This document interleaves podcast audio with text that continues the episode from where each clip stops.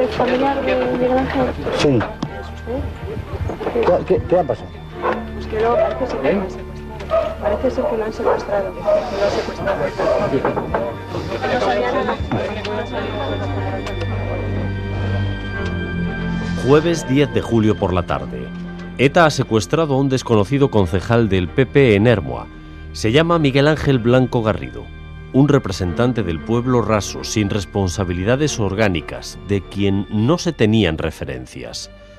La organización avisa, si en 48 horas sus presos, más de 600, no son acercados a cárceles vascas, asesinará a un concejal cuya voz pudimos escuchar el pasado mes de mayo en una grabación inédita difundida por el Ayuntamiento de Hermoa. Es evidente que hay un plan general en el que se va a contemplar todo esto, pero nosotros queremos decir también que estamos recogiendo eh, las denuncias de los vecinos, por lo cual también pedimos que no se demore mucho el problema este. Hay algo nuevo en el patrón de comportamiento de ETA.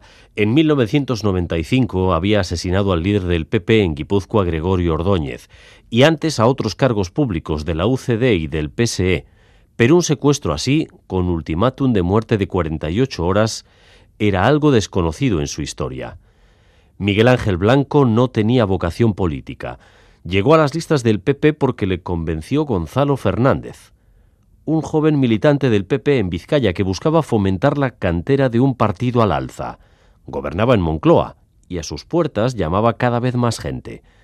Gonzalo convenció a Miguel Ángel y a su madre en una conversación que no había revelado nunca hasta ahora. Todavía no estaba afiliado cuando hablamos con él. Esto lo invitaron a una, a una, a una reunión de afiliados y tal. Estuvimos charlando con él eh, de las cosas que le interesaban, del municipio y tal. Y, y, bueno, pues, pues una vez visto, volví a hablar con él y a ver si se quería afiliar a nuevas generaciones. Ya sabes que aquí hay mucha familia migrante, era una familia gallega que sí, que sí sabían que esa familia era, era afín y bueno, pues, pues pues él, pues él también. Nos pareció que, tenía interés, interés en el municipio, interés en las cosas del, pueblo y, y, eso era importante porque iba a haber unas elecciones en breve y también necesitábamos eh, gente joven para meter las candidaturas. En el gabinete del Lendakari Ardanza trabajaba el actual consejero de Cultura y portavoz Bingen Zupiría.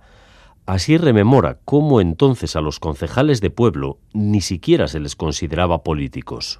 El secuestro de una persona a la que además en aquel momento no considerábamos un político. Era un chico joven que, vale, sería concejal del Partido Popular, pero si por algo era conocido en su pueblo, era pues por otras actividades que tenía, ¿no? Era una familia humilde, se escapaba un poco a, a los patrones de personas que habían sufrido atentados de ETA, ¿no? Y luego el hecho de que ETA estableciera un ultimátum en términos temporales para que el gobierno hiciera algo que era imposible de hacer en tres días, yo creo que también colocó a mucha parte, a una parte importante de la sociedad vasca ante algo que exigía una respuesta social contundente. El principal propósito de Miguel Ángel era conseguir un polideportivo para el pueblo. De hecho, el alcalde Carlos Totorica había empezado una marcha a pie hasta Madrid para reclamar que les terminaran las obras de una vez. Blanco quería un polideportivo, y hoy ese polideportivo lleva su nombre, como destaca Eduardo Marquina, concejal socialista en aquella corporación. De hecho, el polideportivo de que luego se acabó finalizando y tal, lleva el, nombre de, Miguel Ángel Blanco, a título póstumo. ¿Qué menos? Miguel Ángel Blanco fue la víctima de la venganza de ETA tras la liberación de Ortega Lara, con la que la organización pretendía acallar el mensaje de que estaba débil y tocada. El día 10 de julio, el concejal acude a casa de sus padres a comer desde la oficina de Eibar en la que trabajaba. Al terminar sale de casa para volver a su puesto de trabajo en la consultoría de Eibar Emma Consulting. Se sube al topo de vuelta a Eibar y desaparece.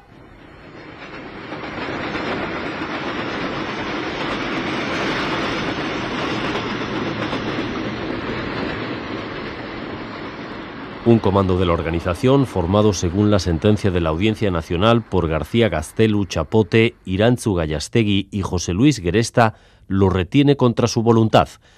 Lo introducen en un vehículo oscuro y se pierde su pista.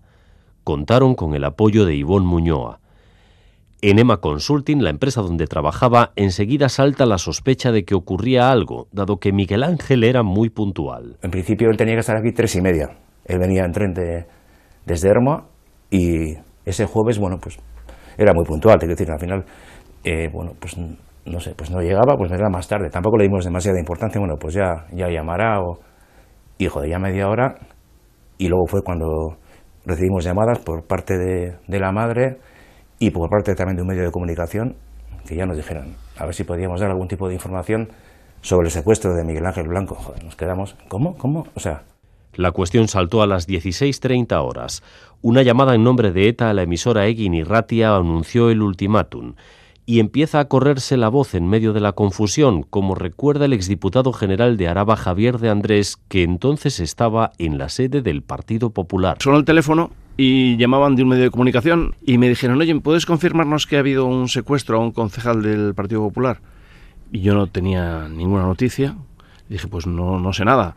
Como era además bastante frecuente que hubiera algunos bulos o rumores o que luego no se confirmaban, pues bueno, pues le dio una importancia relativa, pero fue colgar el teléfono y volvía a sonar y volvía a sonar y sonaban otros, entonces empezaron a sonar todos los teléfonos y, ya pronto tuvimos la, la, confirmación de que efectivamente no era un rumor, sino que se había producido el secuestro y la amenaza de asesinato de Miguel Ángel Blanco. En ese momento las diferentes policías comienzan los contactos para intentar localizar al joven concejal.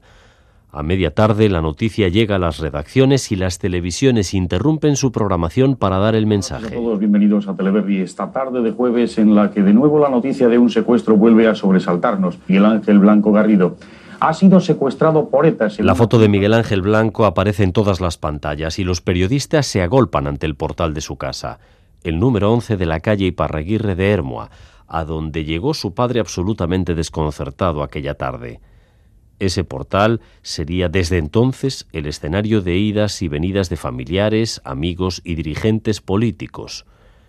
En los últimos 25 años, sus puertas han visto pasar a cientos de cámaras de televisión. Era un chaval majísimo, además era amigo de mis hijos, chaval que le gustaba la música, le gustaba el deporte, o sea, pues normal, lo más normal, ese de política no tenía nada, no era no sé cómo decirte, no era como para, para lo que le hicieron. Bueno, era majísimo. Andaba, bueno, pues, le gustaba la marcha como a todos, era joven. Tras el secuestro y asesinato de Miguel Ángel Blanco, ETA prolongaría su actividad más de una década, pero lo hizo con una particularidad.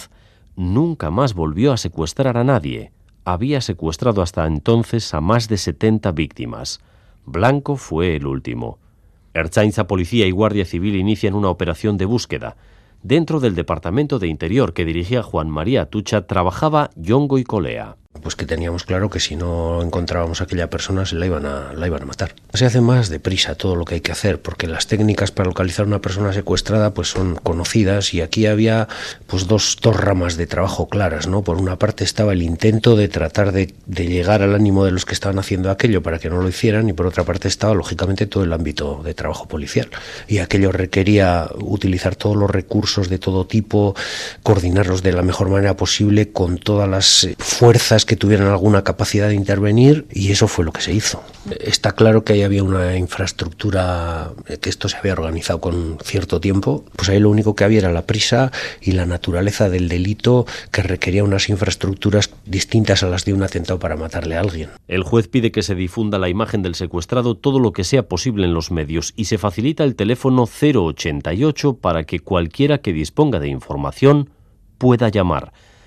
El presidente del gobierno, José María Aznar, recibe la noticia en la Moncloa. Justo por la mañana había estado con los mandos de la Guardia Civil que habían participado en la liberación de Ortega Lara. Carlos Iturgaiz, líder del PP vasco, se erige en la voz del partido. La familia está destrozada en estos momentos y yo lo único que quiero decir es que ETA se vuelve a confundir. Miguel Ángel es hijo de Consuelo y Miguel.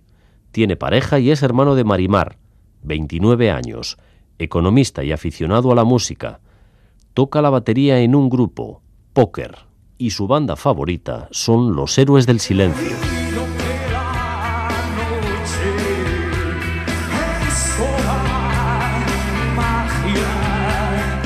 El Lendakari Arranza hace un llamamiento en nombre del Pacto de Ajurianea, el pacto que reunía a todos los partidos salvo HB en contra de la violencia.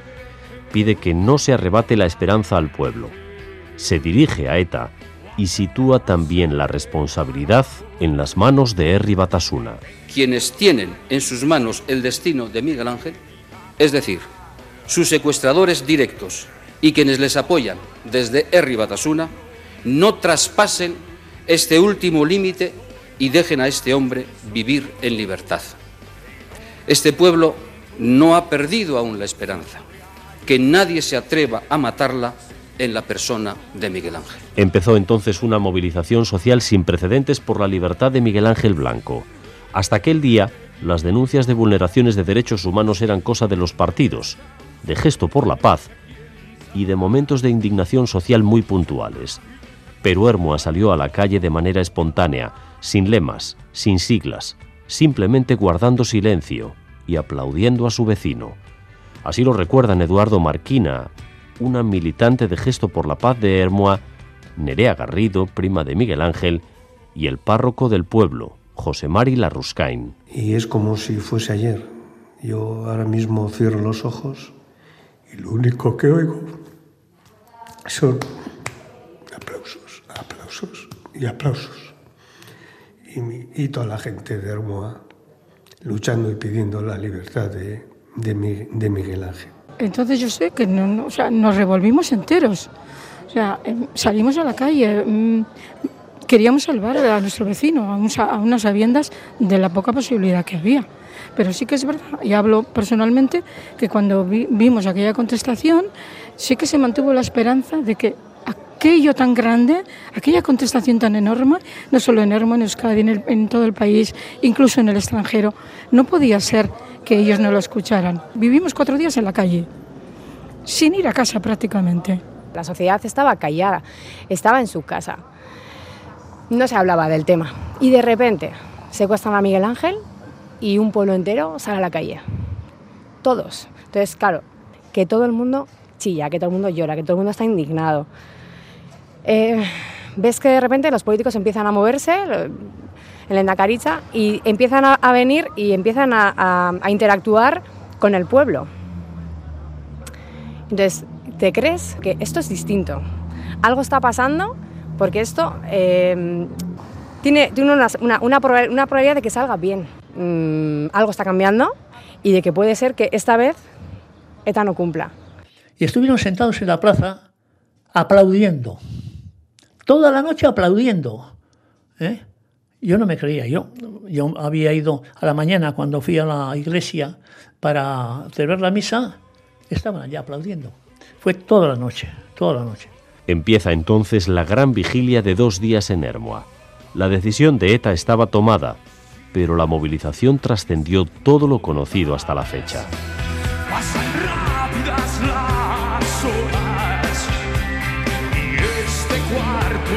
apart.